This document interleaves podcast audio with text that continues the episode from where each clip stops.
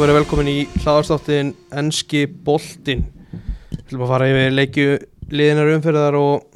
já, hans að rýna í, í stóru málin. Hér eru kominir þeir Eður Ben, ertu velkomin Eður Já, takk fyrir það. og Július Magnússon.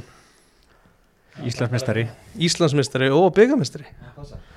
Ég er bara Íslands. Þú ert bara Íslands. Já. Já. Ha, En þú tókst hvað, Íslandsmestari 2019 og 2021 Já. Já, byggarinn 2019 2021 þetta er, Já. Það er einhver tengingar enninni smá. Já. Þátturinn er í bóði Dominos uh, minna á tvennindilbóði og þriðutastilbóði morgun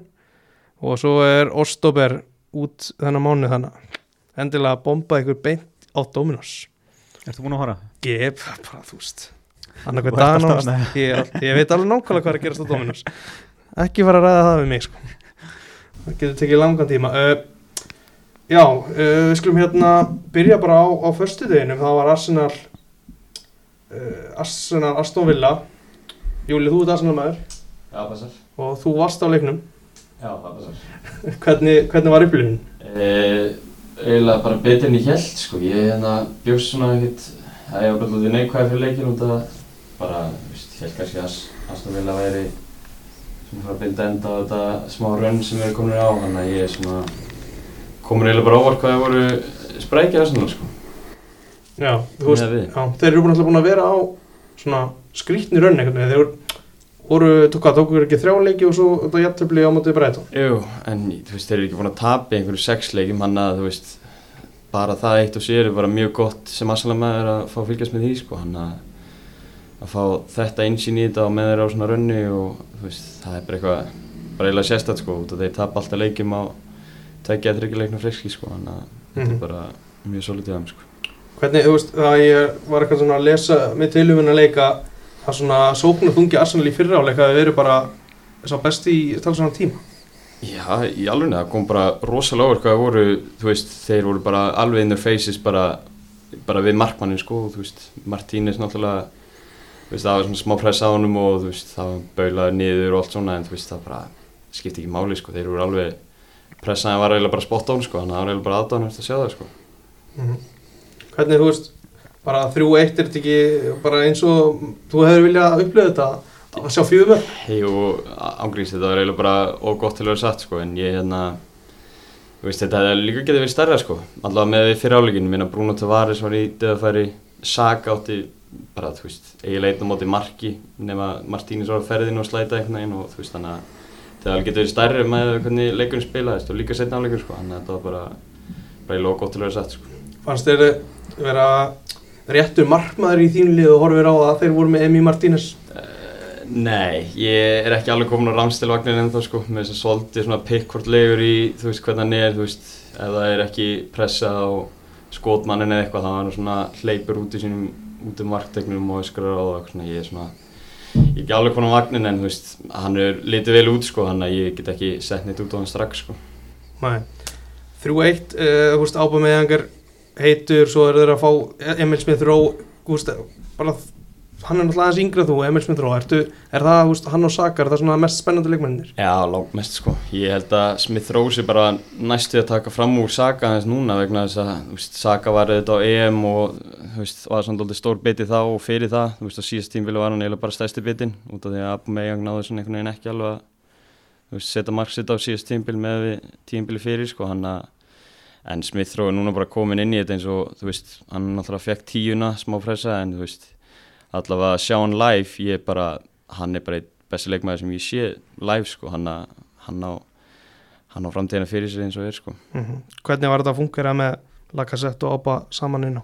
Ég komur eiginlega bara óvart sko, ég held þeir eru bara full latir og svona, þú veist, þótt maður, þú veist, ég alveg séð það í leikjum að þeir svona vinna svolítið á, þú veist, hvort það sé góð stemming og hvort það liði sé að ganga vel, þú veist, þeir eru svona svolítið, geta verið svolítið sloppy sko, en þeir eru alveg, þú veist, laga sett og geggjar í pressu og fískaði viti og, þú veist, bara gaman aðeim sko, þeir eru svona stemmingsmennin líka, þannig að, þú veist, mér veist þetta bara fungera vel sko, það komur eiginlega bara óvart sko, að þetta fjóri fyrir tvei dæmi hafi bara virkað vel í Arsenal sko. Er það, þú veist, þessir 11, þú veist, út með Tavares, inn með Tjörn, er það ykkar besta 11? Ég er svolítið mikið tilni maður sko, en ég hérna samt eftir að hafa séð þennan leik þá er ég líka eiginlega Tavares maður núna og líka eftir að hafa séð hann á hérna í víkinni fyrir tveim vikum út auðvitað eins, hann var eiginlega bara allt og góður þar sko, hann að ég hérna ég get einhvern veginn ekki sagt að Týrni ég skilja að byrja næsta leik eftir þennan leik en þú veist, mér finnst Týrni svona heilt yfir betri vinsti bakurur, þú veist Bruno getur verið meiri svona sprengja til þess að koma inn á þetta því að hann er geggjaður sóknarlega sko, mm Mhm. -hmm. Týrni getur verið að líka en hann er kannski meira solid varnarlega sko Mhm. Þegar að Sjaka kemur tilbaka á, hann að koma inn fyrir Lokonga eða halda Lokonga inni um, eiginlega koma bara aftur inn sko, mér finnst gott að hafa Sjaka inn á með, með svona svolítið mikið að vera með alveg sama leikmann Níl og Konga og hérna partegi saman inn á sko, það er eiginlega svona full mikið að því góða sko mm. þótt að partegi síðan kannski svona aðeins veist, hann er alltaf að fara að byrja en Lokonga, þú veist, er eiginlega bara alveg sami leikmaður hann að með svona, að ég veit ekki ég bara, fíl ekki að hafa tvo alveg eins leikmaður, þú þarf að hafa einhverja breytni í þú veist, annar Mhm. þarf að vera meira sitjandi og hinn aðeins meira, þú veist, meðan það er eiginlega bara að vera nákvæmlega eins í þessu leik en það getur líka virkað á móti svona liðum en þú veist eins og sást bara í mannjuleiknum um helgina þá ertu eiginlega með sama leikmann þótt að Mhm. Scott McDominay er betri þú getur líka um saman partí og Lokonga við Fred en þú veist, það virka bara ekki í, þú veist, í svona hámstæmingsleikim sko, þannig ég, ég er ekki alveg tím þeir tveir eins og þeir sko. Mm. Var eitthvað, veist, í Aston Villa sem að komir óvart, eitthvað sem þú varst heitlaður af eða ekki heitlaður af? Nei, ég er bara ekki eitthvað af sko, ég hérna, bjóst bara eiginlega meira frá þeim sko, ég Mm. held að, þú veist, ég held að Danny Ings myndi vera vesen fyrir, veist, ég veit að hann er ekkert sá sendi sem er að fara, þú veist, gera einhverja, þú veist, rosalega usla alltaf, þú veist, út um alla völl sko, en þú veist, ég held bara meira delli inn í teig og eitthvað svona, en þú veist, þeir kannski fengi ekki tækifæri til þess, en að það bara, heilt yfir komur eiginlega bara alltaf óvart sko. Mm uh, förum þá hérna yfir á lögadaginn sjö nei, heyrðu, ég ætla að spyrja út í stemningun á vellinu hvernig, hvernig var þetta? Uh, já, komum eiginlega bara enn og aftur óvart sko, ég, en að það var einhver svona leikur sem var erfitt að fá miða held ég út af því að ég veit ekki alveg af hverju, ég held að þetta er bara svona, veist, bara eins og venjulegu leikur en það var einhvað eins og, veist, það hefur eitthvað aðeins sérstarga heldur en bara á móti einhverju mid-table öðru liði, sko, þannig að ég hérna, kom bara mjög óvart, sko, en, veist, líka bara, veist, að Martínis hefur verið að spila svona, það var aðeins tekið út á hann og bara, já, kom mjög óvart, sko. Mm. Tím Arteta, alltaf, alla leið Nei, ekki alveg alla leið sko en þú veist, jú, jú, eins og er þetta er svolítið, ef þú ert aðsalamaður og ertu svolítið bara hvar þeir eru núna sko mm veist, þótt þeir hafi verið bara slagir upp á síkasti en þú veist eða þá síðustu ár þar að segja en þú veist, bara síðustu nokkru leikir hafa bara verið það jákvæðir að maður getur ekki einhvern veginn sagt þessu þú veist, að maður, að maður sé hann tímast þetta átt sko, það er ekki alveg að segja það en þá en En þú veist, jú, jú, ég, það er eiginlega bara ekki hægt að reka hann út af, út af öllum sæningunum sem er búin að koma inn og sem hafa verið góð núna, þannig að maður er bara að gefa henni tíma í smá stund. Eyður, hefur eitthvað að segja um þessi tvölið? Nei, bara mér varst bara að svona liði hú veist, koma hana óvart þannig að byrja þetta tímabil svona brusulega og, og hérna og þetta virðist vera í, í rétta átt og þeir voru ekki að ná inn stígunum þú veist, mér finnst það svona kannski fyrstu leikir á tímabili svona fyrir fyrsta landsleikir hlýða, það er það sem skiptir mestu máli, skiptir einhver máli hvernig þú ert að spila heldur bara þú ert að ná stígunum en, en hérna þú veist, það er bara betri kallar komnir inn og, og þeir eru svona aðeins að finna liðið sitt núna og, og, og bara fýtt taktur í, í arsenalleginu meðast hérna ákveðin í pressu hjá þeim fyrst og fremst Mm. uh, og þeir voru alltaf bara komnir í, í andlitið á, á, á hérna villamönnum, þannig að engi spurning frá fyrstu myndu hvaða lið var að fara að vinna hann leik Er eitthvað svona í liðinu núna sem að þú ert sérstaklega heitlaður af Júli? Ég er bara Smith Rowe, ég er bara, þú veist, ég held hann væri, ég vissi eiginlega bara ekki að hann væri svona góður eins og því ég sá hann live, það er bara allt svona fler við hann, þú veist, link upp við Tavares sem var að koma ætla ekki að segja nýrin í liði en þú veist samt svona mútið að stann vilja að þú getur alveg svona sokki nýri að vera bara svona heyrðu, ég er, ég er lítill, ég er ungur skilur, ég veit ekki hvort ég jáka all mér eða hvernig sem er en þú veist það bara þegar þú ert með svona góða leikmann á sama væng og bara gera neila flest allar betri og það bara sást bara hana, þú veist sendingar og allt svona þú veist, touch, fyrsta touch frá leikmennum og svona það bara hann er, hann er annað gæðarflokkurinn hinn sko. Mm -hmm. En svona í gegnum tíðin er eitthvað svona leikmaður sem þú er hort í og reynt svona að líka eftir veist, taka eitthvað frá Já, ég er alveg, þú veist, ég reyna alveg stundum að horfa leiki, það þarf að segja assalleiki og reyna svona, þú veist, að gera eitthvað þú veist, ég ætla ekki að segja heimavinna en maður kannski reynir svona að horfa leikminni í sinni stöðu en það hefur kannski verið svolítið brös, brösulegt að gera það síðustu ár út af því að Sjaka hefur verið svona trúður og síðan mjög góður en þú veist, hann er, hann er alveg, þú veist, hann er góður, þú veist, í alveg það sem hann gerir, Mm. það sem hann gerir vel þar að segja en síðan þú veist, ég held að hann sé líka bara eiginleikarna sem hann hefur bakka stundum ekki alveg upp það sem hann gerir illa einhvern veginn, hann svona gerir sjálfum sig að trúði með sínu einu atgerfi og eitthvað svona, hann að þú veist, já, ég veit ekki. Nei, akkurat, þá við fara yfir á lögadaginn í 7-0 Chelsea Norwich hvað er, í, hvað er hægt að segja um þetta? Sko, ég veit ekki alveg þú veist, hvernig maður á að bera þetta saman við hérna, bara Norvinsliði var veist, það var svona stundum eins og þeir væri bara að reyna að fá sér mörg, þú veist, Mhm. þetta var yfirbörðinir voru eiginlega bara með óleikindum og mér fannst eiginlega ég veit ekki alveg, ég var ekki búin að skoða tölfræðina en, en mér fannst einhvern veginn í svona tilfinningin mín var að bara Norvins bara komst bara aldrei yfir miðju og, og hérna og hefði þess vegna geta enda starra fyrir mitt leiti sko og bara ótrúlega yfirbörðir og auðvitað náttúrulega Chelsea kannski ekki búið að skora neitt rosalega mikið hinga til á þessu tímabili þannig að þetta var svona svolítið svona öðruvísi leikur hjá þeim heldur en leikinir hérna á undan eh, á tímabilinu en, en hérna bara þýlikir yfirbörðir og, og, og mér fannst einhvern veginn bara já allt ganga upp hjá þeim sem við voru að reyna að gera.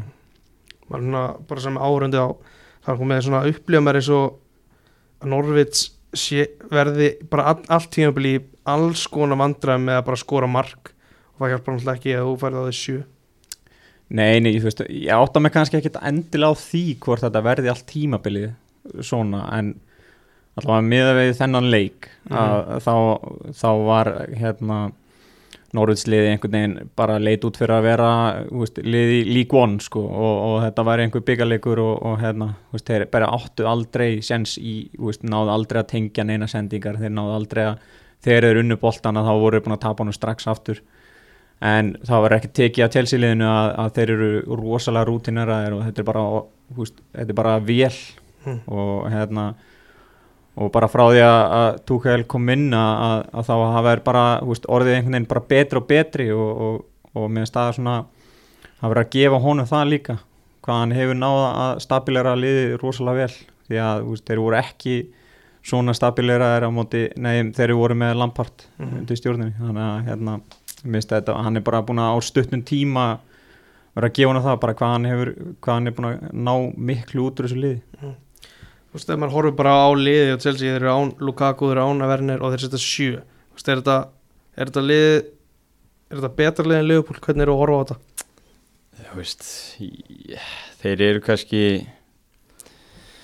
ég veit ekki þú veist, eh, þegar þú vinnur 7-0 á móti, það skiptir ekki máli hvað lið er í Premier League og þú ert ekki með besta markaskoraðin og þú ert ekki með ég ætla ekki að segja næst besta markaskoraðin Mm. þú ert með næsta, næstu nýjunina lík út það sýnir bara hversu, þú veist, marga góða leikmur úr með og þegar hún nærð miðjumanni sem er vissulega ja, verða eitt besti svona tíu leikmaður í deildinu eða hvernig sem það er veist, og hann ungur að hann skori þrennu það er náttúrulega líka eitthvað sérstætt þannig að veist, þeir eru með svona eiginleika í liðinu þannig að veist, það ekki er ekki að það skrifa þá, alls ekki Nei, og þeir eru, bara þeir eru að rótira varnarlega milli leikja og halda alltaf hreinu, mendi er geggjaður í markinu þegar á reyni Þú veist, þetta er ókvæðinlegt sko. Þetta virðist líka vera þannig að, að, að skiptir einhver máli hver dettur út Mhm. eða hver dettur inn og, og hvort að leikmaður sé að spila þessa, þessa stöðu það, það virðist vera þannig að þeir eru bara með rosalega stóran hóp og þeir eru, þetta er náttúrulega búið að vera líka veist, þetta er ekkert bara að gerast í ár þetta er hérna þetta er búið að vera svona langtíma verkefni hjá þeim og þeir eru, hafa alltaf verið með marga leikmenn á samning og hafa verið að lána leikmenn hinga og þangað og og margi leikmenn líka bara komi í gegnum starfi hjá þeim. Þannig að þetta er ekkert eitthvað bara gerast núna 2021 þú veist, að þeir eru hérna unni Champions League veist, þetta er bara eitthvað sem er búið að vera í gangi í mörg ár bara tilbaka. Og hérna þannig að þetta er eitthvað svona verkefni sem er bara orðið bara svona eftirtöktavert og, og, og spennandi að, að fylgjast með. Þannig að finnst bara líka bara frábært að sjá bara hvað eru margir leikmenn að koma upp hjá þeim og er að standa sér vel Akkurat, uh, þú sagði mér Júli þegar ég var að fá í þáttin að þú værir eitthvað í fantasy. Jú, passar. Er, Ertu með eitthvað ný, með eitthvað ný Chelsea liðinu? er, Ég tók frí hitt fyrir umferðin og fekk mér uh, Mason Mount og var með Chilwell líka þannig að þetta var fyrð vissulega. það tikkar, tikkar rattinn þar. Já, svo. hver, hver á með bandið? Já, vissulega Sala, þannig að það skiljaði sér líka. Hörgum fyrir okkar yfir hundrastegin Helviti gott. Uh, Fyrir mig í næsta leik Krista Pallas, Newcastle Benteke kemur Krista Pallas yfir og Callum Wilson jafnar leikinn stuttu síðar þú veist, 1-1 er, þú veist, er eitthvað mikið um þennan leik að segja strákar? uh, Vilt þú byrja, Júli? Já, ég get gert það, ég hérna horfði persónulega ekki á hann leik en uh, sá á BBC gær hvernig það var og eitthvað leis en hérna þú veist, bara þetta svekkjandi að fá svona víta á sig í lókin mér fannst það soft að hvernig hann dettur hérna þessi ungi leikmaður, ég man ekki alveg hvað hann heitir hjá, hérna, hjá Leeds en Nei, við erum í Pallas Newcastle. Já, við erum í Pallas Núksól, ég held að vera eitt eitt Leeds Já, já, þarna. við fyrir hér næst. Já, akkurat, en nei, ég held að sé ekki mikið þetta sérleik Nei. Nei, bara svekkjandi fyrir hérna Pallas að, veist, að ná ekki þrjústi í svona leik. Mhm. Veist, að því að hérna að því að þeir eru líta bara vel út Pallas, veist, að, að, að þetta leita ekkert rosalega vel út hérna fyrir tíumbil hjá þeim en, en hérna eh, en hérna bara ótrúlega hvað við erum að, er að gera góða hluti einhvern veginn, þú veist, að því að maður svona, veist, hann fyrirfram var hann ekkert eitthvað svona promising eitthvað stjóri, þú veist, þeir hluti sem hann hefur verið að gera undanferðin ár þannig að hann kemur í þetta verkefni. En hann verðist vera að ná bara því besta út úr þessu pallasliði eins og stanir í dag allavega og, og hérna Newcastle einhvern veginn bara milli stjóra og, og bara alltaf frábært stig fyrir þá. Að hérna og veist, áttu ekkert skilið út, út úr þessum leik þannig að, þannig að bara svekkjandi fyrir, fyrir Pallas Akkurat. Uh, uh, Talandi um þessum Newcastle þeir eru náttúrulega milli stjóri svo þú segir og að tala um að, að hérna, þeirra maður fái annan leik. Jones verður annan, annan leik við stýri hver þú veist, eru þið með eitthvað svona sem þið sjáu sem var góð löst fyrir þá núna bara byrjunni bara til þess að halda sér uppi sko. Þú veist, ég heyrði allavega eitthvað með að fá, þú veist, bara Eddie Howe til dæmis. Mér finnst það ekkit galið með að hvernig hópurinn er og allt svo leiðis en ég bara held að það væri of stórt fyrir að fá einhvern svona of stóran stjóra eins og hefur verið talað með sitt í að í skrefum og svo leiðis. Ég held að það sé svona skára að fá einhvern sem að hefur einslu af dildinni, þú veist, ekki fá einhvern útlending sem er kannski spennandi en er ekki orðin risastór stjóri, þú veist, það er, það svona meira eiginlega bara of langsótt fyrir þá með hvernig á hvaða staðir í deildinu og svona þá þurfa þeir eiginlega bara að fá einhvern sem er með reynsli í þetta og svona. Einhvern sem að þekki deildina bara. Já, Mhm. bara þú veist hérna við höfum séð svona ráningar bara með þú veist, Mois og einhverjum svona gæja eða skilur þú veist sem að hefur verið í deildinni áður ég veit ekki hvort að Eddie Howe er nákvæmlega maðurinn að þeim mómenta því að veist, hann virðist vera svona stjóri sem að sem að vill fara í einhverju uppbyggingu og, og, og vera í lengri tíma hjá liðanum eða veist allavega hérna allavega svona lítur þannig út fyrir manni. Um, þegar hann var hjá Bormoth og en hérna en þú veist þeir, þurfa að fá einhvern svona bara Big Sam og, og veist, David Moyes gæja skilur sem að kemur og klárar eins og þú segir klárar tíðumbilið og, og, og fer svona stað veist, en, en þeir þurfa síðan bara að finna sér nýjan stjóra í su, næsta sumar sem bara tekur þetta alveg frá grunni. Og hérna og sá stjórið það bara að vita það að hann er að fara að vera hann í tvö ár mm. e eitthvað þannig skiljið þannig að þetta er svona þetta er svolítið flóki verkefni sem þeir eru að fara í og, og eins og ég sagði áðan með hérna Chelsea veist, eh, þegar þeir voru að byrja með Abramovits þá voru, var hann í eri hann, hann startaði þetta verkefni og, og var held í tvö ár og síðan kom Mourinho eftir það Mhm. og þeir fóru að staði eitthvað verkefni þannig að veist, þeir eru alltaf öðrum stað í dag Chelsea heldur en þeir voru þegar, Abramovits kipti liðið og hérna þeir eru ekki jafn mikið að, að taka inn leikmenn og stóra veist, eins, og, eins og þeir gerði þá Mhm. Þannig að hérna, veist, þetta mun taka tíma og þetta gerist ekkert bara á einu sísóni og þeir verða ekkert allt inn að komnir í mistardildina á, á næsta ári eitthvað svo Nei, það er alltaf ansið langsótt með að við svona hvernig tablan er í dag. Um, Já, ég, þú veist, það var eitthvað að tala um Þannig að Fonseca sem var hjá Róma sem að var komin í uh, vel á vegi í viðræðum. Uh, hann tók ekki í spörsa því hann spilur ómikinn sóknabólta sem að ég held að vera ekkert rosalega mikið vandræðis að tjá njúkast það er ekkert, ég held að gæðin sig ekki alveg til staðar þar. Þannig að þetta, þetta verður áhugavert hvernig þeir taka inn. Já, ég held að eins og Júli kom inn á veist, að það, þetta er ekki alveg tímapunkturinn í það núna að taka inn stjóra sem aðeir er að fara að hugsa fyrir einhverju fjögur ár. Allavega, eða, þú veist, þannig horfum maður á þetta utanfrá sko, en þannig þurfum einhvern svona eitthvað, eitthvað, eitthvað milliskrif mm Þá er það Leeds Wolves, Júli Já, loksins. Þá leifum við Júla að taka. Þá förum við, förum við yfir Já, einmitt þetta víti hérna undir lokin. Já, Þetta endar 1-1 Juan Hichan eða hvernig sem maður á að raða nöfnunum hans kemur þeim yfir Wolves og svo húst heimamenn í Leeds jafnaðan með vítaspilnu á 1904 hvernig, já, þú ætlar að tala eitthvað um Já, þetta víti ég, hérna. mér finnst það bara það softa mér finnst það bara ég skilja að fá jafnaði til lókin líka þú veist, greinlega voru þeir ekki að spila vel stærstu menninni, þú veist, þeir að finja var tekin út á 50 annar held ég, þannig að Mhm. þú veist, ég bara að ég veit ekki, þeir bara mér finnst ekki að skilja að klára þetta svona sérstaklega þetta er svona þú veist, kannski hefði var tekið þetta eftir á en mér finnst það samt ólíklegt út af því að hann dæmdi þetta strax dómarinn sjálfur, hann að ég hefði haldið að hann sleft þessu þannig að það var ekki tekið þetta, þannig að ég svona mér finnst það bara soft alltaf. Já, bara þú veist þú veist, svipa, svipa atrið sem ekki alveg eins brot eða ekki brot eins og þetta Liverpool alltaf Madrid atriði Einmitt, einmitt. þegar að dómari dæmi víti hans fyrir skjáin og hætti við. Já, þú veist, þann, hann hafði ekki hann hafði ekki kjarki að gera það. Nei, akkurat. Ég er svona líka bara einhvern veginn eins og stemmingin hafi tekið yfir hann út af hann beigði aðeins með að flauta sko og flautaði síðan. Hann hafði svona hann hafði ekki kjarkin í að leifa sér fljóta en jú, það er alveg að færi rauk fyrir Mm. sér líka hann er vill sem yfir mannin og allt svoleiðis en svona full soft fyrir minn smekk allavega sko. Hann 94. á Erlandur Ót það og það. getur, verið erfitt að taka það tilbaka vissulega. hann er, hann er kannski fengið að fara úr borginni eftir þetta. Uh, já, þetta er eitt eitt í afturblið sem alltaf auðvitað svekkjandi fyrir já, það sem ég sá leiknum var að Leeds bara lítu ekkert sérstaklega út. Nei, greinlega bara sloppi líka með að við hérna allavega skiptingur að finja með veist, hann svona vera aðal maður þeirra þess vegna er maður með hann í fantasy og allt svoleiðis og þegar maður horfur á lýtslegið þá er maður svona sundum að horfa líka á hans leik og svona hann með smá ekstra fler við hinagæðina hann að þú veist, hann, þú veist auðvitað eru með gott lið heilt yfir líka en þetta er svona þeirra aðal maður hann að já, lítur allavega ekki ekki eins og þeirra að vera að spila mjög vel. Nei, er eitthvað að þetta að bæta auður Nei, maður veldi sér bara fyrir sér hvað, á hvaða vegferð lítið sér akkurat núna Mm. Bielsa hefur aldrei verið þekktu fyrir það að vera í mörg ár með sín lið og, og, og svona yfirleitt verið þekktu fyrir það að liðinast bara springa veist, bara á, á æfingálaði og, og, og, hérna, og bara meika þetta ekki í, í lengri tíma og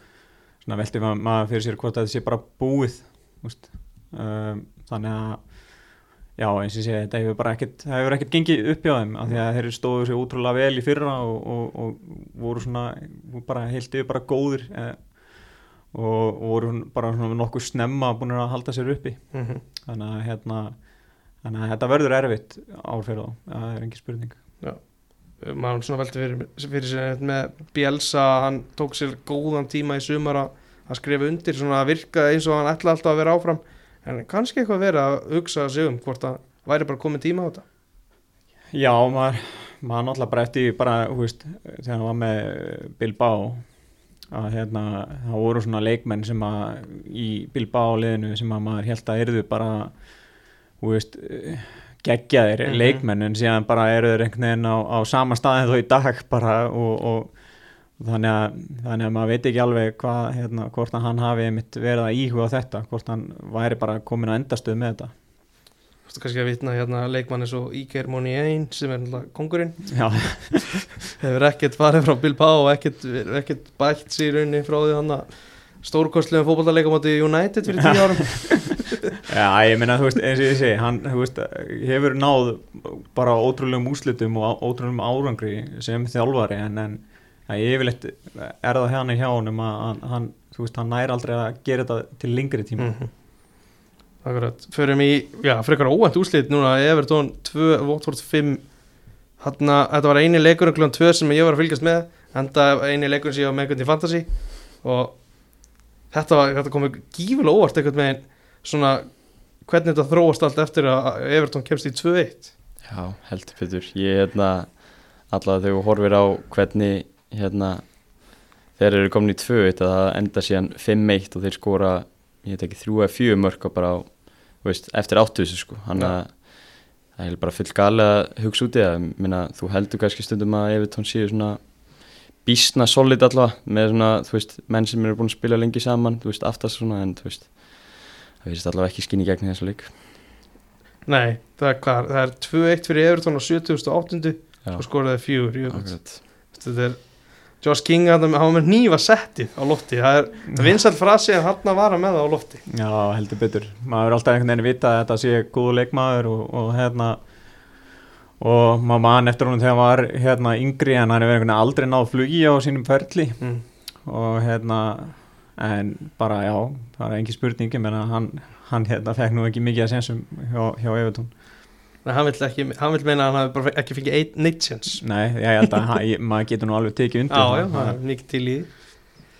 Og við hann einhvern veginn að já, koma, kom, koma kannski í sárum og, og raða á gamla lið sko. Já, þetta var bara vel gert hjá þeim og, og hérna og já, bara Watford og bara, hú veist ég meina, þetta er, þetta er auðvitað auðvitað er Evertón alltaf svona lið sem að hú veist, maður maður er alltaf kannski aðeins að búast við það þeir geta nú sett pressu á sambandstildina eða eitthvað svona, Mhm. en, en hérna en, en þeir, þeir kannski maður, maður átt að ekki alveg á því hvar, hvar maður hefur þá í dag. Nei, þetta var ekki fallegt það sem ég sá á þessum leik allavega.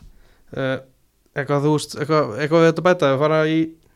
fyrir bara í Sántón Börnlei 2-2 eða gefa mest á óvart að Börnlei hafi skorað tvö mörki í sama leiknum. En Max Cornett, hann er koma skemmtilega inn í þessu delt Já, heldur betur. Mér veist bara eiginlega uh, skrítið að sjá hann væri í byrjuleginu. Þú serði eiginlega bara 11 ennska leikmenn sem Mhm. er, þú veist, er að fara að nenna þessu og, og reyna þrýst út eitthvað sko en kannski hugsaðan, heyrðu, við erum á þessum stað og þurfum kannski að breyta einni stöðu til og setja leikmann með eitthvað aðeins öðru í sinn hinnir sem er, þú veist, alveg, þú veist, maður skilur alveg raukin fyrir að gera það ekki en, þú veist, sjén sem virka í þetta skipti allavega. mm uh, þar sem að þú virðist vita eitthvað í fantasi þá ert þú vantilega með livramento í þínu lið Já, já, sjálfsög. Sjálfsög. hversu fannst, gaman hefur að fylgjast með honum í upphæði leiktjar Uh, bara fínt sko, ég hérna, komur eiginlega bara óvart að hérna,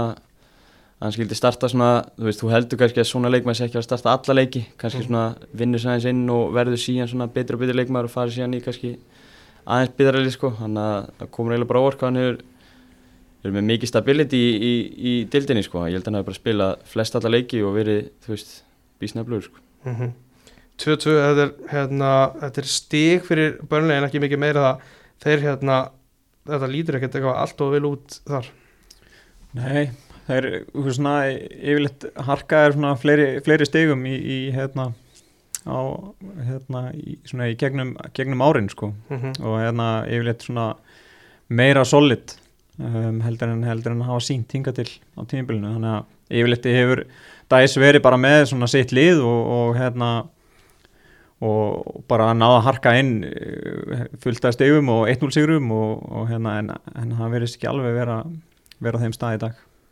Nei, og Sáandón svo sem þú veist, börnlegin er í átjónda með fjögur og Sáandón er tveim sætum fyrir hún, fjórunstu fyrir hún þetta er,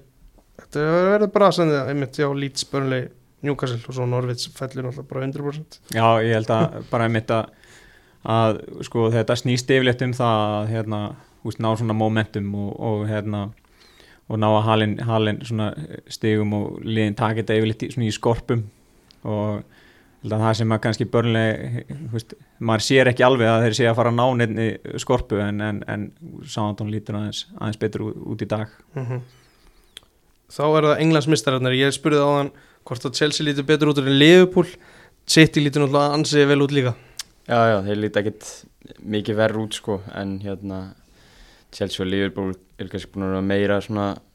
eins og maður segir með meira stability yfir leiktíðina hildi yfir sko Mhm. en, en City eru alls ekki síðri þegar þú horfir á allavega fyrir áleikinu mútið breytum mér veist þeir Mhm. það bara, ég horfið mitt á þann leik og hérna þú veist, þú ég allavega bjóst við að þetta er bara miklu stærra Mhm. og bara hreint lag líka og bara yfirkeisla sko en síðan komur smá ávart hvernig setna áleikunni þróaðist og svona slögt aðeins á sér sko. Já, þetta var ofbúðslega samfærið það sem að maður sá í einmitt í fyriráleikunum maður bjósti hérna skemmtilegum hérna, fótbollaleik en þetta var einstefna í rauninni frá fyrstu mínúti í fyrir Já, já, ég menna líka bara í bara líta vel út sko, að því að eins og í hérna fyrra þá byrjuðu er mjög brösulega og síðan tóku þeir bara einhvern veginn eftir ármót og unnu alla leiki og endanum unnu er hérna unnu er sísónu bara samfærandi en, en það virðist vera núna núna er þetta bara þryggjaðista bardagi og, og það, þú mátt eiginlega ekkert mistiga þig eins og, eins og það lítur út Mhm. akkurat í dag en svo kemur kannski jólatörnin og að það breytist eitthvað en, en þetta virðist allavega að vera þannig að, að þessi lið mega ekkert mistiga sig þessi top 3 og sitt í bara, þú veist, eru bara á góðri vegferð og, og þeir verða einhvern veginn alltaf betri og betri þegar það líður á, á, á, á sísóni Mhm. þannig að mér stu, já, bara, bara góðu taktur í þeim og, og hérna og hérna bara margir að, að spila vel. Einn sem er að spila frábæla er Phil Foden. Já, hann er búin að vera bara alltaf góður eiginlega. En kannski við því að búast líka með hvernig veist, það er búið að peppa hann upp síðustu, síðustu tvö ár og hvernig hann hefur líka bara stigið upp í svona liði, þú veist, það, ég held að sé ekkit svakalega auðvelt að vera svona ungur og þurfa að vera jafn góður á hinir sem eru búin að vera svona góði lengi Mhm. en hann er eiginlega bara að fara fram úr þeim hægt og rálega sko, hann, hann verður bara bestur í heimi þegar okkur ár held ég komi líka svona stöðuleiki í hans leik Mhm. Já, akkurat. og samúilega sem Bernardo Silva hann er bara alveg ógnavalega góður sko. Já, hann bara yfir sínin og svona hvernig hann, bara transition momentið í hvað held að hafi ekki verið í, í fyrsta öðru markinu sem bara styrlu sendingandi gegn. Mm, algjörlega. Já, hann verðist vera algjörlega að, að, að finna, finna sig og maður heyrði nú eitthvað í sumar að hann var að, að hérna, pæli að hérna, veist, að líti í kringu sig en, en það virtist nú ekkert gerast í, í þeim málum en, en hann hefur bara tekið þetta veist, hlutverk og bara og leiðir þetta svolítið núna Já Pep Rúlatan, hvernig er hún að ganga? Fantasílega bara vel sko, Já. heldur betur Er eitthvað, þú veist, ertu, með einhvern, er, einhvern neldan sitjumann í liðinu þínu? Nei, ég eiginlega bara tók ákvörðin eftir síðust tímbil að þú veist, gera það ekki vegna að þeir breyta það miklu í byrjuleginu sínum sko, þannig að Mm. það er eiginlega bara mjög pyrrandi að þurfa að festa svo einn en vissulega tók ég fríitt núna og var með Díaz og Cancelo, það hefði geta skilja fleiri stegum en hérna ég sýnist þeir tveir að vera svona mest solid leikmennir hjá Pep núna og hann er voða lítið að skipta þeim út með hvað maður bjóstu við, maður bjóst kannski við að Stones myndi spila fleiri leiki og Mm. mögulega Sinchenko líka fleiri leiki það er svona ekki, ekki alveg verið hans tepótlega að skipta mikið í varnamennum sko. að byrja eins og þarna þá kom hann að tímubili fyrra manni allavega þá var Cancelo orðin aðalkallinn í Mhm. hérna bakarinnum og það gekk alveg fáranlega vel en svo allt í hennu bara sett hann Tjetjenko inn sko, hérna, en þú veist maður veit einhvern veginn ekkert hvar maður hefur hann og hann virðist bara vera bara, þú veist ef þú stendur ekki vel í æfinguvíkunni þá bara byrjar ekkert sko Það er mitt, já, þetta virðist vera þannig og eins og með Stölling síðast, hann var eitthvað að kvarta og hann kom sér inn í lið mm. Stones komst inn í lið eftir eitthvað umræðu þetta, þetta er svona, maður veit ekki alveg alveg hvar maður hefur Pep í þessu uh, Förum í gerðaginn Brentford Leicester 1-2 þar var fantasíögnablík líka í hálfleik þegar að Jamie Vardy að tekinn út af. Vistu manni í þínu liði? Já, ég tók hann í fríhittinu. Ég var að pæla í bandinu á honum en hætti við hann en komið samt óvart að hann hefur tekið út af hálfleik en, en hérna lestir einhvern veginn á að skrapa þessum sigri heim með hvað Brentford það hefur verið góður og voru greinlega bísna góður í þessu leik líka en þú veist ég, mér síndist bara að eitt leikmaður sem var uh, þú veist yfirbörða með við hinna það var Tílemann sem Mm. mm. það bara allavega í mörkunum og hérna síðan var eitthvað svona aðeins verið að fara yfir hann sérstaklega þú veist, hann bara var greinlega lasi góður í þessu leik og hefur verið líka í síðustu leikum hann að Það er alveg ástæða okkur, þú veist, hann var hvað 17, 18 ára í andilegt og komin í byrjunarlið hjá Belgíu akkurat, það sýnir sér bessinlega hann en þú veist, sérstaklega í þú veist, fyrsta marki er náttúrulega bara það er bara eiginlega markum fyrir hennar bara þegar hann geðveikt. fyrsta en, en í öðru markinu þegar að að þeir eru að breyka á það og veist, þetta lítur ekkit út fyrir að vera neitt hættulegt þótt þeir séu komin svona framalega strax eftir hotspinnu en þú veist, þegar Tílema stegur boltan í fyrsta eftir sendi ykkur frá Peris held ég, þú veist, þetta er bara uh, yfirsýnin í þessu og allt, þetta er bara styrlað sko. Þetta eru mikil gæði og United getur kannski alveg notað þennan á miðinni Já, vissulega. Já. Uh, Brentford hefur svona aðeins svona verið að fatast flugið tvö töpur öður, svo sem Chelsea síðast það kemur ekki öllum ávart en þeir eru búin svona, svona verið skemmtilegir þetta er svona kraftmikið fótbolti og þeir veist, þeir eru ekki trættir við að sækja Nei, nei, það er bara spurning hversu lengi þetta endist sko Mm. og hérna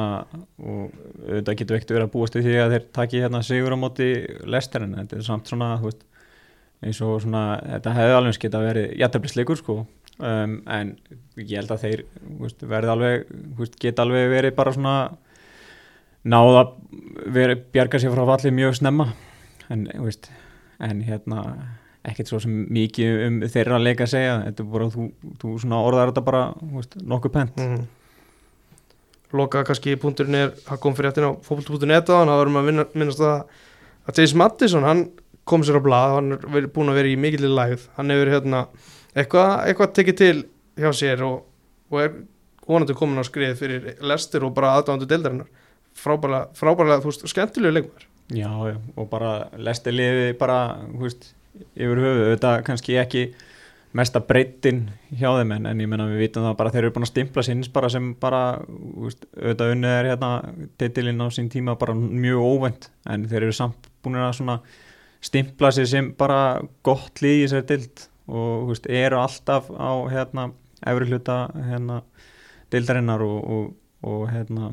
og náðu síðan hérna FA Cup sigurinn þannig að veist, við vitum bara veist, þeir eru bara byrjar að taka svona sigra skiljur það sem Mhm. að þeir eru veist, eiga kannski eitt endilega skilið að, að, að vinna leikina en, veist, þeir eru bara veist, taka þetta veist, þessa solid þrjá punta. Næst síðasti leikur umfyrirnar var við uh, Vestam Tottenham og þetta var, já, Lundun og Slagur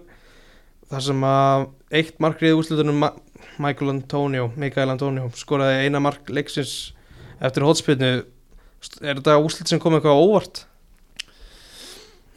í kannski já og nei en þú veist, Vestam eru bara það mikil vel og Tottenham kannski doldið svona að ég veit ekki, það er eins og ég sé bara doldið svona brotnir og svona ef þeir ná ekki að synka Son og Kane þá einhvern veginn svona þá synka þeir bara ekki heilt yfir sko. Hanna, en þú veist, en Dombele hefur líka verið sprækur og þú veist, aðri leikmenn en ég veit það ekki, mér, mér varst bestan bara já, mér finnst þeir eiginlega bara búin að vera það góðir að, þú veist, fyrir leikin hefur alveg, þú veist, sagt já 1-0 það meikir alveg senn sko. Mm Það er eitthvað, það er ennþá eitthvað vesen á, á Kane þó hann hefur skorað sístum fyrir já, hann er ekki alveg onn sko. Nei, mitt, maður kannski bjóstu að þetta gæti orðið leikurinn sem að þú veist svona þú veist, það skiptir ekki mál hvort sé vestam útivilli, þú veist, Londonaslæður þú veist, það hlýtur að peppa bara ennþá meira sko, hann að þú kannski býst við eftir síðustum fyrir eftir hann skoraði að hann myndi kannski kera sæðins í gang en þú veist, hann var svona í staðin bara eiginlega sögudólkurinn að, að vestam minnu sko, eða svona að við uppi við sem marki. Náðu líka bara einhvern veginn tóttunum aldrei að opna það almennilega og líka bara, eh, þú veist, þegar að Vestham kemst yfir þá þú veist, geta þær farið aftur á völlin og, og hérna og verið þéttir og, og, það er bara mjög erfitt að, að hérna, brjóta á baka aftur þegar, að, þegar þeir eru, eru búin að skora. Og þú veist, Vesthamlið er þú veist, það er svona momentum með þeim núna veist, þeir eru hérna veist, náttúrulega að spila mikið til á, á sömu mönnunum og veist, auðvitað þetta náttúrulega mark náttúrulega bara er á ekki að sjást í ennskúrústildinni þú veist, þessi hérna detning hérna inn í teg og að hérna auðvitað á hérna markmaður náttúrulega líka bara eiga þetta svæði skilur en, en, en tökum það ekki að vestam að þeir, veist, þeir eru bara góðir eins og staðnir í dag en, en, en auðvitað náttúrulega bara eins og Júli sagði virðist vera eins og tóttan á liði séu bara brotnir og lítið sjálfströst og, og, og hérna, treysta svolítið á að hérna, einstaklingarnir klára þetta fyrir þá Mhm. Þetta er, já, það er eitthvað ég held að það er komin í einhvern smá takt eftir hennar njúkvæmsileik en svo virtist ekki vera lokaleikur umferðinar þínu menn eður flottir segi það nú ekki Nei, þú veist, ég veit ekki alveg sko hvað maður á að, að, að veist, segja sem er ekki búið að segja en, Mm. en, en bara til að byrja með náttúrulega Liverpool voru bara frábærir í þessum leik og þeir voru gáttu einhvern veginn voru alltaf í yfirtölu og mann leiði eins og þeir væru einu fleiri allan tíman mm -hmm. uh, og meiri segja þegar að sko þegar að United liði var einu færra að það var kannski eiginlega svona bara besti svona varnarkablin þeirra sko að þú veist þá bara fóru þeir aftur tilbaka og, og, og, og hérna fóru svona loksins að hlaupa fyrir hvern annan og, pressa boltamannin og veist þannig að Leopold opnaði eitthvað, veist, opnaði aldrei hérna Júnallið, þú veist, eftir að þeir eru hérna einu ferri þannig að en bara varnarleikurinn í mörkunum er bara, þú veist er bara djók. En auðvitað eins og ég segi Leopold voru bara, þú veist, þeir ná alltaf yfirmanna þarna fyrir framannvörnina hjá, hjá United. Uh, tveir hérna varnatengiliðir í United liðinu, McTominay og, og Fred litu bara illa út allan tíman þegar, þú veist, Leopold liði náði alltaf að teima út í stöðu og það var auðvelt fyrir hérna bakverðina hjá Leopold að koma upp og, og hérna og þá gáttu þeir fundið hérna út í breytina. Og varnalínan þeir voru rosalega nálakvar öðrum voru rosalega hrættir við að fá boltan aftur fyrir sig voru hrættir við að hérna, setja pressu á boltamannin en þetta byrjaði samt bara á fremsta manninum sko. Mm -hmm. og veist, varnarleikurinn var í rauninni, hann byrjaði á að það var engin svona alvöru pressa á, á boltamann sem þýtti það að veist, þeir gáttu alltaf veist, einhvern veginn tvöfaldað á kantarana. Og síðan hérna þegar koma síðasta þrjunga þá voru þeir bara hérna direkt og, og, og hérna áttu bara mjög auðvelt með að hérna að, að búa til færi. Og svona kannski svona munurinn á þessum tömmu liðum, ég menna þú horfir á kannski sóknarlega hjá United liðinu að þeir náðu alveg að þú veist spila sig ákveðla út úr aðstafanum og, og þeir náðu ákveðla að koma sér á síðasta þrjungin en þegar að koma á síðasta þrjungin að það voru engin hlaup veist, það var ekkert í gangi og þeir eiga hann að Bruno á færi þarna í byrjun og mér finnst hann aldrei að hafa trúið að hann væri að fara að skora úr þessu færi. Og en maður sé kannski munin á þessum tveimu liðum þar að á síðasta þrjung að, að það voru alltaf komnir 5-6 leikmenn inn í tegin hjá Leopold, þú veist, þeir voru alltaf þú veist, ef maður horfið kannski á, þú veist, annað og þriðamarkið að það er enginn sem fylgir manninu sínum inn í teg, veist, það er, það er enginn áhugi fyrir því að verjast. En að móti að þá hinum megin að þá, hérna, veist, var, alltaf, var þetta aldrei hætta, veist, þegar að Jónætliði var komið á síðasta þrjung og bara mér fannst þetta mest, bara munurna á þessum tömmu liðum var svona heilt yfir að, að leifbúliði það vissi nákvæmlega hvað það ætlaði að gera í svona leik Jónætliði vissi ekkert hvað það ætlaði að gera Mm -hmm. þannig að en já bara auðvitað á náttúrulega þessi leikur á, á aldrei að enda 5-0 skilur þú veist og horfir á þetta á, á blaði en, en bara munurinn á þessum tveim liðum og á hvaða vegferð stjóranir eru með þessi lið að þá bara, þú veist, var þetta bara samfærandi Er eitthvað sem að þú tekur eftir þú veist sem að, að þér fannst sem vantar í þess að yfirferði á eðið hann Nei, ég bara eins og eða sagði það er svona munurinn á milli liðana lá bara akkurat í það sem hann sagði. Mér var bara eins og ég held að Fernandes hef eins og sett hérna Rassford svona eiginlega í gegn með svona hámbólta það er svona síndi hvað ætla ekki að segja endilega bara Sala en það hefur fleiri haft meiri yfirvögun þegar Rassford tek bóltan hann ætlaði að skjóta honum í fyrsta það var eitthvað erfiðast að skot sem ég bara sé þessu tímbili Mhm. mm -hmm. það er akkurat munurinn liggur í að þú veist þó að Man United komið sér í ágæta stöður hér og þar þú veist þeir eru með það var alveg hættilegi krossar og eins og Fernandes náttúrulega hefði geta breytt leiknum hefði komið sér eitt nú lífið Mhm. kannski að maður sé þá bara bakka niður og vera sáttir, maður veit það ekki en veist, það bara munurinn liggur akkurat í þessu að þeir eru það klinikal að þeir refsa bara fyrir ef þú ert aðeins að setja í pressu þá, þá refsa þeir í svona átökum eins og, eins og fyrsta marki, það bara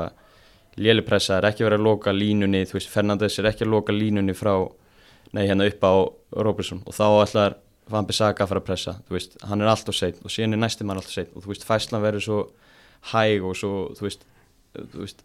án þess að vera þótt hún sé hæg þá getur þú samt reddaði með góðum fæslum einhvern veginn Já. og þú veist, komið þér yfir og miðum minn getur bakka upp en það var ekki í þessu tilviki og í hinum mörkunum líka bara eiginlega bara sama sagan, þeir voru svona bara seinir, seinir í pressu og ég minna, þú veist, bara það að keita skori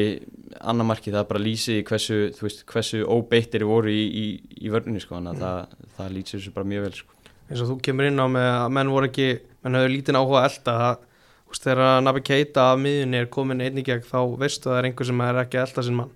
Já, já, maður, maður getur líka að sé sko, veist, veist, það voru fleiri leikmenn inn í teiknum sem gáttu skorað. Já, já, veist, og, hérna, og það var engin United maður skilur sem var líklegur til þess að reynsa boltan í burtu. En það var einhvern veginn eins og ég var að segja á þann meina, þú veist, þegar að leifbúleikmaður var með boltan á síðasta trífung þá hafði hann alltaf þú veist, tvo og þrjá möguleika til að senda. Það var alltaf, þú veist, það, leikmenn voru að taka hlaup þú veist, ekki bara til þess að fá boltan heldur líka til þess að opna plása einhvers þar annar staðar. En svo kemur á, þú veist, á hérna, og horfir á United liði þegar, það var, þegar þeir voru að halda boltanum. Og Kantari fekk boltan það var ekkert svona aggressiv hlaup frá, frá hérna, sendir að, að, að, bjóða sér í hérna í hérna hálsvæði eða þú veist það var aldrei hérna utanarhlaup frá bakverði eða veist það var ekkert í bóði veist af því að það var svo lítil ákjöð í sóknarlegnum hjá þeim þannig að veist maður var að sjá veist eins og þegar staðan var orðin 2-0 að þeir þá lagðist Leopold aftar og United náða að halda eins í boltan og síðan endaði sóknir með að, að sjó veist tók skoti fyrir utan veist sem er svona bara bara svona galið ákvarðanatökur einhvern veginn á síðasta þriðung Mhm. Og hérna meðast þetta bara svona lýsa sér best í bara þú veist, hvað þeir voru orðin fljótt einhvern veginn pyrraðir og, og hérna og, og bara voru farin að taka kjánalegar ákvarðanir og bara, þú veist, það var allt sloppi sem þeir voru að gera, þú veist, allar sendingar þú veist, öll pressa þú veist, það var allt sloppi þú veist, og þeir voru bara ekkert klárir í þetta. Nei, þetta var, virkaði bara ekki sem að, þú veist, ef að, átt að pressa þá voru menn ekki í takt í því og, veist, menn kláruðu ekki sín, sín, sín pressuhlaup almennilega þannig að næsti maður vannst bara út af því að menn voru ekki nennis. Já og veist, eins og ég sagði á veist, þeir litu bara einhvern veginn út frá fyrstu myndu fyrir að vera, tvimmu fleiri Mm. þeir gáttu alltaf fundið fleiri tölu út um allt og hérna, en það var eins og ég segi, það var ekkert fyrir að, United var einu, einu færri að þeir voru farin að vinna vörnina fyrir hvern annan og, og það var bara svona damage control, sko, já. einhvern veginn bara, þú veist, erum við fáum ekki á okkur allavega sjöttamarki, sko Mhm. Akkurat. Ég las einhvers staðar að Solskjær hefði talað við menn í hálfleikum að halda hreinu í setna hálfleik. Það er ákveðið svona, já, við skulum ekki reyna að minga muni, við skulum bara halda hreinu. Já, ég meina, og, veist, og svo kemur hérna svo skiptingin einhvern veginn þetta hefði maður viljað líka bara sjá þú veist, þetta United lið þú veist, þegar maður sér byrjunlið og maður horfði á byrjunliði fyrir leik Mm -hmm. Og þú veist, ok, ég meina, ég veit alveg að við erum með Bissaka hana sem hæri bakurð Mm þú veist, að það er bara ekkert betri maður í bóði einhvern veginn, en, en þú veist, þú horfir á varnalínuna og, og, og, og einhvern veginn, þú veist, hafsendandi menn líður ekkert eins og þeir, þeim líður vel inn á vellinum þessa dagan allavega. En að, þú veist, að United þú veist, farin í svona leik og eru með tvo varnasinna miðjumenn, þú veist, að við getum ekki verið Manchester United og bara verið með, veist bara, er ekki bara nóg að vera með Mark Tomini Mhm, skilur mhm. við, og, og, hérna, vera með aðeins meiri skapandi miðju sko. að, veist, mann er leið aldrei eins og bara frá fyrstu mynd að United var að fara að vinna hann að leik sko. Ég hugsaði að þeir sá byrjunliði samt ég hugsaði að það væri hann að ég horfa á Konati, Milner og Geita þarna er eitthvað sjóta á bekknum eða þú veist, kemur inn já, já. en svo bara um leiðum að sér bara einhvern veginn ákveðina í liðinu bara og fyrstu sóknar liðupul þá er þetta bara farið. Já, já, já, og þú veist, en auðvitað mörgbreyta leikjum allt það að, þú veist, ef að Brúna hefði skorað. Ég held samt að þessi leikur hefði bara þá hefði þetta bara farið 5-1 sko. Já, eða skilur, ég, ég bara þeir voru einhvern veginn, ég veit ekki mér finnst þeir bara aldrei vera reddi í, a, í að spila einhvern alveg leik og hafa ekki verið. Mhm. þú veist, þeir hafa ekkert fundið neitt takt og Ronaldo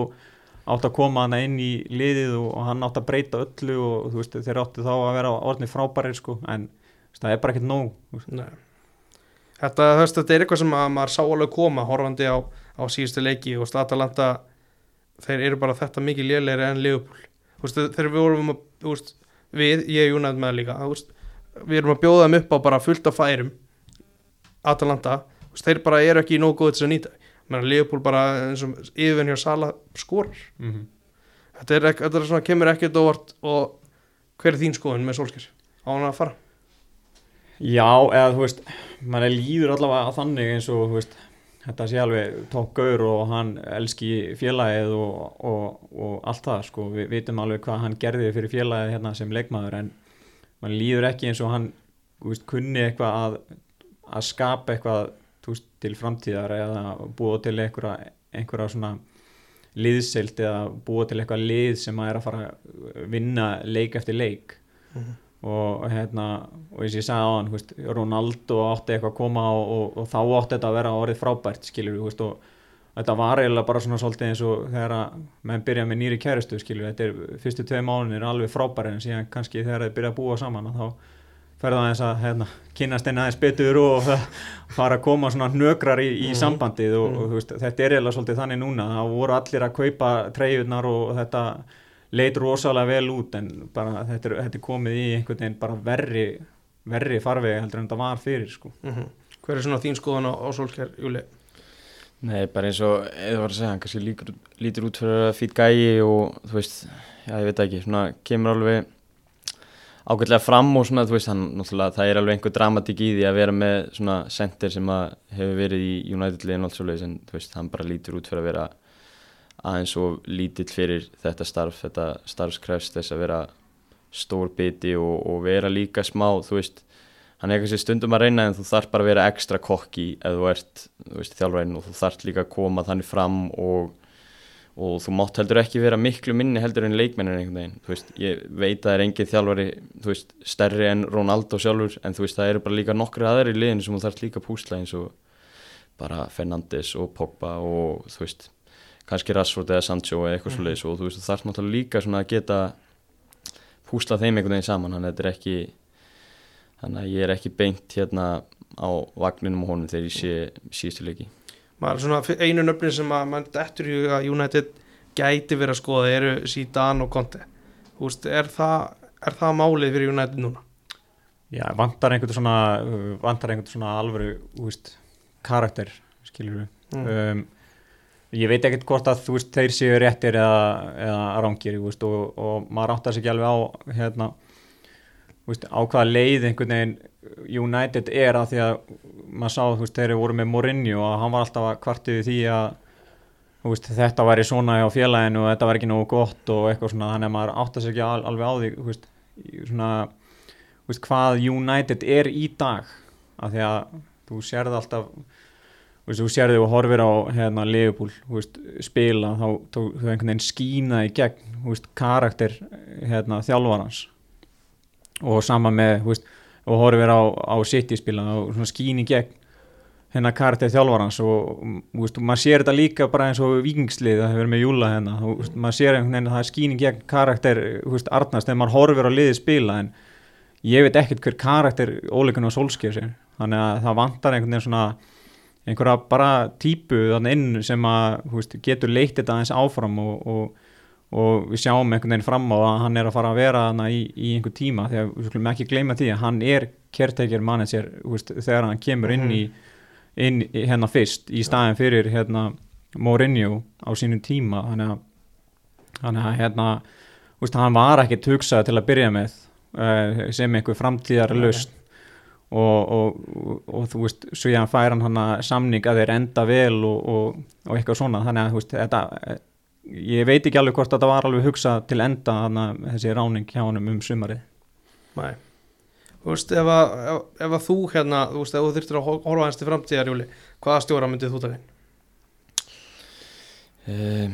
bara veit það ekki alveg. Ég bara, mér finnst einhvern veginn eins og þú, þú veist, eins og þú þurfur að vera það einstakur þjálfari til að taka við þessu liði eins og þetta er núna þar að segja, þú veist, þetta er svona þarf að vera stór profíl og síðan er náttúrulega mjög stór profíl hann er það alveg. Og hérna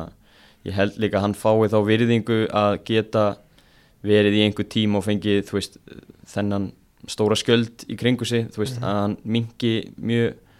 hægt, þannig að hann fái, þú veist, breyk til þess að gera mistök og eitthvað svo leiðis, en þú veist,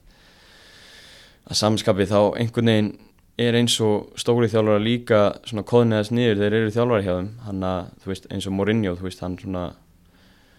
þú veist, fór svona svolítið í sinn, hérna, svona afsökunar beinis, hérna, hérna, klóð sem hann tekur alltaf, sko, Mhm. hann að þetta er svona, það er erfitt að segja. Já, maður, einmitt bara maður mann eftir Mourinho byrjaði vel en svo svona fór flótt að fjara undan þessu. Já, en þú veist, hann var samt svona, hans fyrirl var svona pínu svona á niðrálið þegar Mhm. hann te- kemur til United, þú veist, kannski þurfa að finna bara, veist nýjan Mourinho, Já, þú já. skilur þú veist, ég meina, hann kemur náttúrulega inn í Chelsea á, á flugi mm og er einhvern veginn miklu betri stað einhvern veginn á, á sínu ferli þá. Þannig að, en minna, mér líst bara mjög vel á, á, á sítan, þótt ég hafi svo sem ekkert eitthvað að vera að hugsa þetta eitthvað, eitthvað nei. geðveitt mikið í dag sko, en, en, en, en bara einhvern veginn með þá hluti sem hann gerði hjá Real og hvernig hann, veist höndlaði aðstæðan á þá og, og kemur inn á erfiðum tíma sín, þú veist, þegar hann kemur inn í Real hérna, á sín tíma, þá kom hann inn á á, á svona erfiðum tíma en bara strax einhvern veginn náða að gera góða hluti -hmm. og ég man ekki, veist, hvort ég sé að munna þetta rétt tók hann ekki við Ancelotti hjá Real Jú, held ég. Já, ég held að hann hafi verið aðstofþjálari Ancelotti. Mm. uh, sem sagt, Ancelotti kemur eftir Mourinho og, og hérna og hann var aðstofþjálari og kemur síðan inn. Þannig að, þú veist, Mm. þeir voru ekkert á frábærum stað þegar hann, hann tekur við en vissulega er spænska deildin allt öðruvísi heldur en, heldur en svo enska og, og hann þurfti að vera fljótur að aðlagast. Spænska döðin er frábæri undirbúningu fyrir mistaraldina Já, Þetta nákvæmlega horfa á hana þannig. Uh, Það eru tvö aðri í þessu leik. Það er þegar Ronaldo sparkar í boltan eða svona í áttina að Jones hvernig svona máttu þið það aðri var það rautspjald? Ég svona fyrst þegar ég sá þetta sko hérna um, án þess að sjá replaya þá hérna þá fannst mér þetta að vera sko svona pyrringur og, og, og bara þú veist bara auðvelt að gefa raut Mm. en síðan þegar ég sá þetta aftur að þá einhvern veginn fannst mér það ekki að því að hann veist, passa sig alveg sérstaklega á að stíga ekki á hann Mhm. Og hann sparkar í boltan allan tíman, þú veist, hann er aldrei að reyna að sparka í mannin og hann sparkar í boltan bara í rauninni svona bara þú veist, sekundu eftir að, að það er flauta skilur, þannig að þannig að svona in the moment uh, fannst mér þetta svona bara shit, þú veist, þetta er raut en, hérna, en svo því ég sá þetta aftur og þá þá fannst mér þetta bara að vera rétt ákvörðin bara guldspjald og bara slaka hans á. Upplifur þetta eins? Ég er bara nákvæmlega eins. Já. Ég mitt, þú veist, þegar ég sá þetta svona í fyrstu þá held ég þetta er allavega réttlætanlegt uh, rauðspjald sko en ég hérna, eftir að þú sér endursýninguna þá er þetta eiginlega bara þú veist, þú getur eiginlega ekki gefið raukt sérstaklega ef þú ert búin að gefa hann guld þá getur ekki farið var með þetta og gefa hann raukt fannst mér sko Mm -hmm. Pól Pogba, rauðaspjald, er þetta ekki bara hárið? Jú, það er mitt fyrst ég sá það, þá held ég að vera guld sko, Mhm. en hérna en svo þegar ég sá það aftur þá var það bara, hú veist hann er náttúrulega bara uh, stjúpid, skilur við hvernig hann fer í, veist, hann hefði alveg geta verið heppin og farið bara í, í boltan, skilur við, Mhm. og, og hérna, ég held að það hafi nú alltaf verið planið hjá honum, eða skilur við, ætlunin, en svona hvernig hann fer með sólan svona undan sér, bara, veist, þetta, þetta er bara 50-50 og, og hann var bara, þú veist, fór yfir boltan og óöppin og, og hérna, og bara rauð spjald, þú veist, þetta var aldrei neitt Það, ég held að það var engin ásendingur í hánum að hann ætlaði að fá sér rautt spjaldanna sko, en, en hérna, hann ætlaði nú bara að vinna boltan en, en bara úst, óöppin en bara líka vittlust sko. Akkurat. Eins? Já, einmitt, bara eins og hvernig línan er líka bara með var núna, þú veist út af hann gaf hann um guldspjald fyrst og þú veist, svona hefur bara líninu og dómunum verið ef þú ferð í gegnum mannin eða svona hátt með sköflungin og hinn fóturinn er einhvern veginn svona með þér í þessu, þú veist, á sömu leið þá er þetta bara rautspjald í, uh, þú veist, í öllum aðtökum. Mm -hmm. uh, Nabi Keita skoraði í öðru leiknum í, í rauð þú veist, ef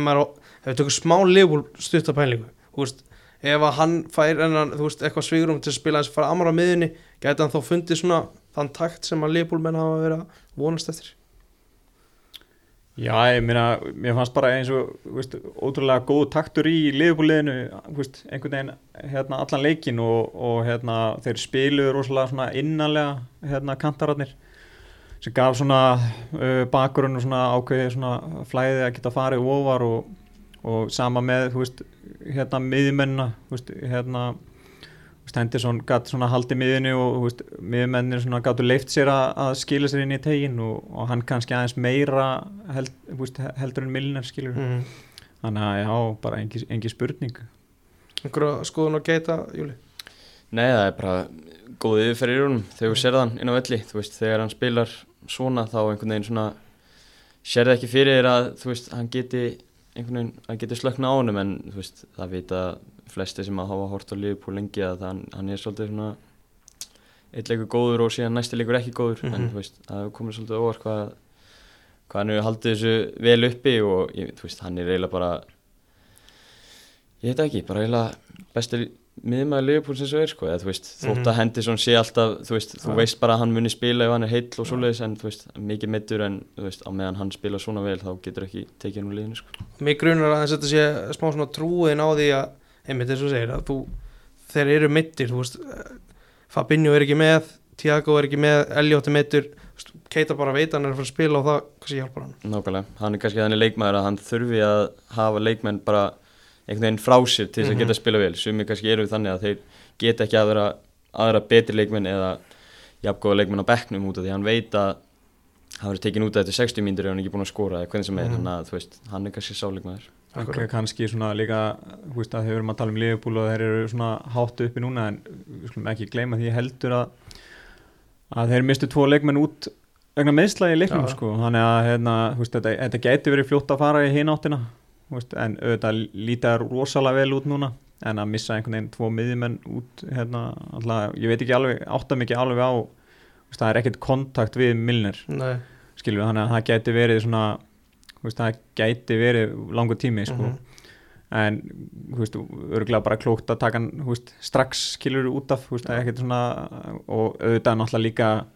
þeir voru búin að klára hann leik eftir korter sko. Þannig að hérna, auðvitað líta þá náttúrulega allir vel út sko, þá gefur einhvern veginn öllum einhvern veginn meira frálsræði inn á vellinum Mm. og það er minni pressa á þeir einhvern veginn þannig að en eins ég segi þú veist, þetta gæti verið veist, fljótt í hináttina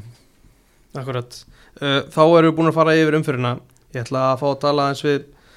að nefna eins við eigið allavega með kvennalandsli, en ég ætla að byrja það þér, Júli. Þetta er mjög óundibúið fyrir þig. okay. uh, tíðanbilið bara í ár Já. með vikingið, ég rætti við þig fyrir tíðanbil og, og ég heyrði mörg viðtöla sem að Kári Átnarsson var að rósa þér sérstaklega hvernig þú veist var, var þetta suma fyrir þig bara bara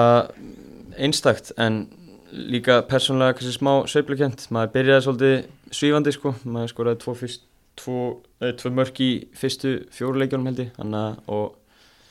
eiginlega bara tvö mikilvæg mörk mútið bleikum þegar við vinnum 3-0 ég skor annar marki og síðan stjörnunni 3-2 sigurmarki mm -hmm. það var kannski svolítið öðru í sig fyrir leikmanni sem mig að gera eitthvað svona en og heldum náttúrulega góðu rönni, töpum ekki heimaölli þannig að þú veist, fyrir mig persónulega söiblukent, maður fór hátt upp maður fór síðan smá svona dala aðeins á miðtímbili en síðan klára maður tímbili mjög vel og náttúrulega þegar þú ert líka með svona leikmenn inn og þá þá er auðvöld að spila betur út af því að aðri bakkaðu upp og svona þannig að þú veist, eiginlega bara næstu því gallalaust tímbili hjá okkur sko. Mhm. ég held þú að satt fyrir já, við mig fyrir tíðanbil þú ætlar að reyna að bæta við mörgum í leikin sko. það hann tók þetta inn allavega tvö Já, ég, hérna, markmiðið var að gera fleiri en það, hérna, gekk vel til að byrja með og maður hefði náttúrulega alveg viljað setja fleiri en maður horfði tilbaka en, en ég sé náttúrulega að sjálfsögðu ekki eftir neina þessi dýbli, þannig að þau markmið megi að dvína aðeins allavega með aukunni tímbli fór. mm -hmm. varstu þú veist á tíðanbil varstu með eitthvað svona kvartningu eitthvað ytri kvartningu annað en að Já, þú veist þetta viltu vera Ís- Íslandsmeistar og byggamestar en veist, ertu að horfa í það að komast aftur í aðtunum sko? E, já, ég var að horfa í það fyrir tímbili, sérstaklega eftir tímbili fyrra þegar við lendum í tíundasæti og maður var kannski bara svona hluti að því að lendi í tíundasæti. Ég ætla ekki Mhm. að segja að maður, að ég sjálfur hefði spilað illa allt tímbili, það er ekki þannig en, en, en þegar liðið nær valla að kreista út sigur allt tímbili, einugist þrý sigrar, þá er þetta erfitt að, að sína þessum djúpu miðmaður. Það er kannski öðuldar að gera þegar að liðið spila svona vel og, og Mhm. við náum að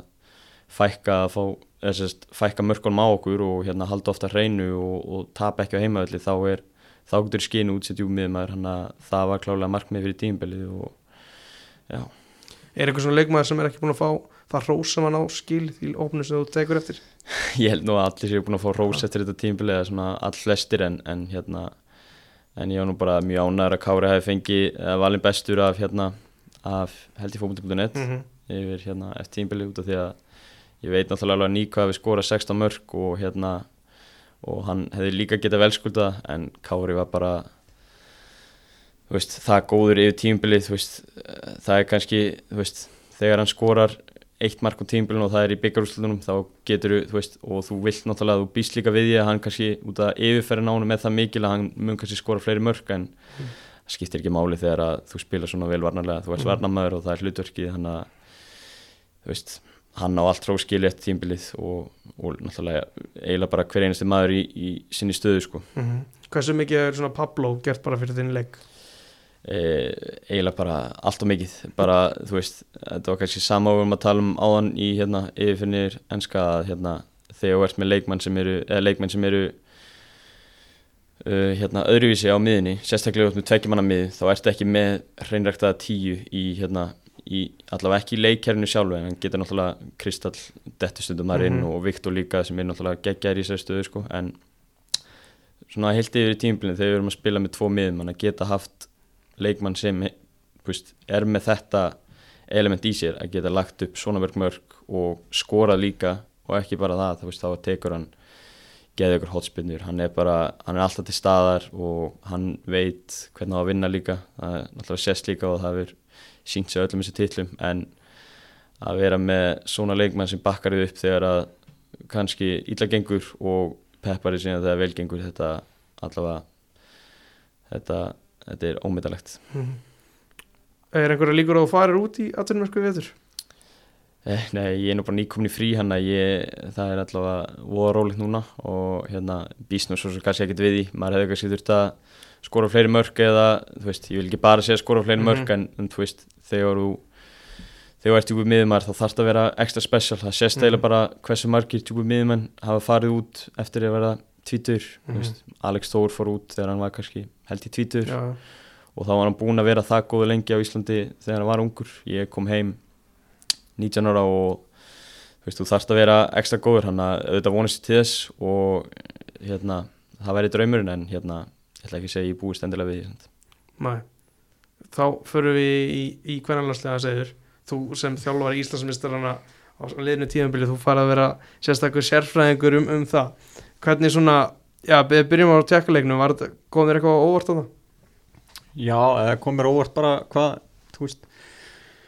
Íslenska liði var gott í leiknum sko Mm. uh,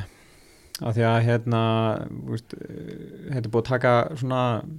frá að steinin tekur við að þetta er búið að taka smá, smá tíma veist, hefur viljað breyta og koma sínum veist, hlutum á framfæri og mér fannst hérna ég man ekki alveg eftir mér alltaf rámar í það allavega þegar þegar það voru að spila sína fyrstu leiki að vera að tala um að svona hans handbræði væri komið strax á liði, ég er alls ekki sammála því, Mm -hmm. Bara langt frá því og fannst þessir æfingarleikir ekkert vera neitt spes hjá liðinu. En síðan bara já, jákvætt eh, svona jákvætt spilamennska á móti Hollandi sem bara bara er bara betra lið í dag. En uh, mér fannst bara uh, svona sko ég segi ekki alveg einhver, einhverjir þær voru ekkit miklu miklu miklu betri heldur en tekniska lið en um, þær gerði þetta ótrúlega vel og hérna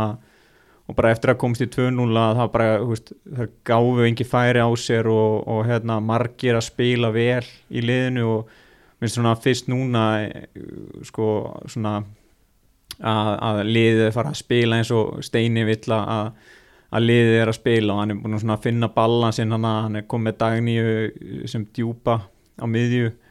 og leifi þá Gunnildi að vera svona göslast meira fyrir framann, hún vill vera í svona box hlutverki. Og ég þekki það bara eftir að hafa þjálfað hana. Hún nennir ekkit að vera djúp sko.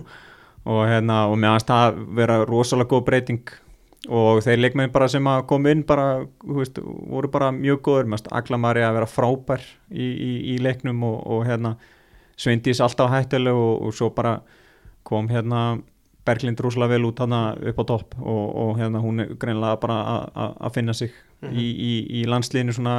almennilega í fyrsta skipti Já. Þú veist, hún hefur aldrei svona einhvern veginn tekið þetta sæti og nelta en hún hérna núna er náttúrulega bara Elín er, er hérna meitt og, og, og svona og Berglind greinlega ætlar ekki að, missa þetta sæti úr, úr, úr höndum sér þannig að hún hérna bara stór sér ótrúlega vel þannig að mér svona bara heilda bragurinn á liðinu bara frábær vörnin góð og Sandra alltaf solid þannig að hérna já, bara geggjaðu leikur og þetta er kannski ekki 4-0 uh, leikur eins og Steini kom inn á en Mm. Veist, þetta voru síst tvö mörkin bara svona happening skilur, Já. bolti fyrir en, en þær samt gerðu vel að veist, þær voru að vinna setni veist, og voru að skila sér vel inn í tegin og, og hérna Gunnildur gerði þannig mjög vel bara einhvern veginn í báða mörkunum hana, og bara fá framlag frá leikmannum sem að voru að koma inn á bekknum líka þannig að bara frábæð framist og gefur svona bara, þú veist gefur svona jákvæða jákvæðan tóni einhvern veginn svona inn í, inn í komandi, komandi leiki sko. Mhm. áður en ég fer í leikin á morgun þá langar, að mig að spyrja þig út í, í tvo leikmenn sérstaklega byrja á Guðni Átnandóttur sem er að spila sem hægri bakur hvernig finnst þér að vera að koma út? bara kemur manni óvart veist, hversu fljótt hún hefur einhvern veginn náða að aðlagast þessu, hún vissulega er náttúrulega að spila í þryggjamanna vörð hana í AC Milan. Þannig að hún svona kannski getur aðeins þú veist, uh, þú veist að því að hún er alltaf hún er al- aldrei fyrir miðju sko uh, í, í þryggjamanna yfirleitt er hún svona vinstra hægra megin. Þannig að hún svona kannski veist, getur tengt aðeins við það. Um, en hún bara veist, hún er alltaf rosalega fljótu veist, og þannig að hún getur að hún svona redda sér oft svona á hraðanum en bara varna, varnamaður og, og hún er svona draumur þjálfarans. Skilur þú veist, hún bara gerir það sem að þú byrður hann um. Þannig að hérna, kemur svo sem ekki dóvart að hún sé að standa sig vel í, hérna, í sér stöðu sko. Svo átti Sandra virkilega öflugan leik, hún var kannski ekki, það voru hann einhver tvö, tvö mjög góð færi sem hún, hún verið vel, en svo er hún bara, þú veist, örug í öllu sínum aðgjörnum, er hún, þú veist, fannst fannst það í sumar að hún var að eiga, þú veist, er, er svona á góðum stað á sínu ferli? Já, klálega, veist, hún hérna, geta alveg sagt það í dag að það var svona smá bras í vetur hérna, hún fekk nýja markmannstjálfara og hérna, kannski erfitt að hérna, að hérna, svona, hefur hérna, komin, hvað maður að segja, innan gæsalappa á þennan aldur að, að hérna, fá nýjan markmannstjálfara með allt öðruvísi áherslur heldur en markmannstjálfara undan en, en mér varst sko þau þegar að leiða á bara tengja rúslega vel og, og hérna og hún á að bæta svona þú veist ákveðin svona yfirvun í sinn leik og hún svona, finnst hún farin að staðsetja sig þú veist aðeins betur og finnst hún lætur allt líta út fyrir að vera mjög auðvelt Mhm. en finnst hún bara að vera á frábærum stað og finnst svona leiðil umræða oft í sumar um hana þú veist alltaf vera að tala um að veist, þetta væri nú örgulega bara síðasta tímbili hennar og nú ætti veist, einhver annar að koma í markið og veist, en hún bara að taka þessa stöðu, hún er búin að býða þólumóð lengi í mörg ár eftir hérna að, að fá tækifæri með landsliðinu og hún er bara að taka þessa stöðu og eigna sér hana og hún er bara, bara að standa sig ótrúlega vel sko. Er eitthvað, þú veist, eitthvað sérstakir leikmenn sem þú vilt sjá fá tækifæri á móti, já, ekkert rosalega öllu kýp fyrir skulið á morgun? Nei, nei, ég finnst bara frábært að sjá hérna, finnst Svafa koma ótrúlega velinn Mhm. þú veist, ég er ekkert að segja það hérna, að þegar ég setja sögu í staðin fyrir Berglindi en mér ástum bara kannski að sjá aðeins meira af henni og hérna já, það er kannski svona það helsta auðvitað var ég líka til að sjá kannski Alessandru fá, fá meiri tíma Mhm. um, að því að mér finnst hún bara það góðu leikmaður að, að þú veist maður vill einhvern veginn alltaf sjá hann að spila þú veist, hún bara, bara yfir á boltan og góða yfir sín og, og hérna og veit alltaf þú veist, hérna, hva, þú veist, hvert hún á að senda og, og, og hérna, getur brotið upp leiki og, og, hérna, og góð hlaup á, á bakvið línur sem hendar hérna, Berglind rosalega vel veist, þar sem að Berglind vil fá boltan mikið í, í, í fætur og Mhm. þá, þá getur þá getur Alessandra verið að stinga sér bakvið en, en, en að samanskapja þá náttúrulega hefur Karolína þennan eiginlega og, og Gunnildur þannig að hérna en að ég myndi bara sjá, já, vilja sjá kannski Svöfu og, og hérna Alessandru veist, svona kannski spila lengur á, á morgun. En, en hérna en svo, veist, væri líka alveg til að sjá þú veist, ég er kannski hlutræður þar en ég væri alveg til að sjá hérna Eilisu fá, fá sénsinn Mhm. skilur þú veist og, og þá má alveg setja Guðni í vinstri bakur, eða skilur þú hvað að fara þú veist, ég er ekki að segja að Guðni er að fara úr liðinu en, en Mhm. ég var alveg til að sjá hérna Elisu bara fá leika þegar svona langt síðan að hún fekk þú veist, 90 mínuna leik skilur, Mhm. þannig að ég var alveg svona væri gaman að sjá hann að fá sénsinn Akkurat. Er eitthvað sem þið viljið bæta við, stokkar? Held ég ekki, ekkert eða svona Við erum búin að fara yfir, yfir sviðið. já, Ég held að það sé bara komið fínt. Já. Uh, þú ætlar að fara á Dominos ég ætla að fara á Dominos Já. og svo ætla ég að fara að horfa á agaðan varnarleiki á Kýpur og þannig ætlum við að slúta þessu strákar takk fyrir komuna og Takk fyrir okkur sjáumst í næstu viku